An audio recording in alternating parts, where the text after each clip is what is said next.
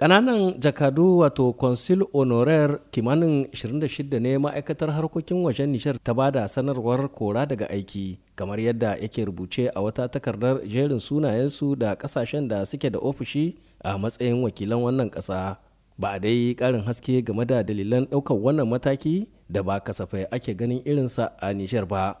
illa kawai sanarwar hukumomin ta yi tunatarwa game da kafuwar majalisar cnsp da naɗin firaminista shugaban gwamnati da kuma yarjejeniyar birnin vienna ta watan afrilun 1963 da ke fayyace ƙa'idodin da suka shata hulɗar ƙasashe da ta aikin ƙananan ofisoshin jakadanci na tuntuɓi wani masani kan harkokin hulɗar ƙasa da ƙasa mustapha abdullahi domin jin irin fasarar da za a iya yi wa irin wannan mataki a diflomasiyance. kasan harkar diplomasiya akwai abin da ake ce ma canji na yanayi yanayiwa yanzu ita wannan gwamnati da ke ci yanzu wani sabon salo ne wani sabon aƙida ce take so ta ba diplomasiyar ta shi yasa ta sabke waɗannan ƙananan jikadodi wataƙila za ta nada wanda kuma su kayar da su domin su kare hakkin ƙasar Nijar domin su kare duka abin da yake taimakon Nijar. Jerin sunayen waɗannan ƙananan jakadu na nunin alamar galibin su ba 'yan ƙasar Nijar ba ne. Dalili kenan na sake tambayar Mustapha Abdullahi shin wa ya kamata ya wakilci wata ƙasa a matsayin ƙaramin jakada wato consul honoraire? In ka jance ƙananan jakada mai yawanci dai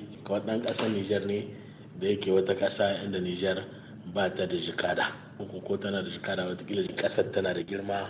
Ba zai iya kula da duk kasa ba sai a dan samu wani dan kasan ne yake wata kasa dama yana zama ko ma'aikacin gwamnati ne ko dan kasuwa ne ko wani shahararren mutum ne wanda aka sani.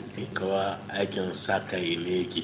Yana da kariyar shi ba kawo wanda babban jikada yake da na ko ambassador ko ko consul general.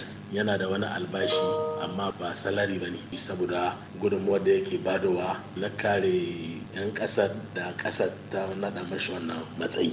Waɗannan ƙananan jakadu da hukumomin mulkin sojan nijar suka kora sun hada da jami'an da ke wakiltar ƙasar a wasu ƙasashe shida na afirka sai jami'ai goma sha uku da ke wakilci a ƙasashen turai yayin da wasu ke wakilcin wannan ƙasa a ƙasashe bakwai na asiya.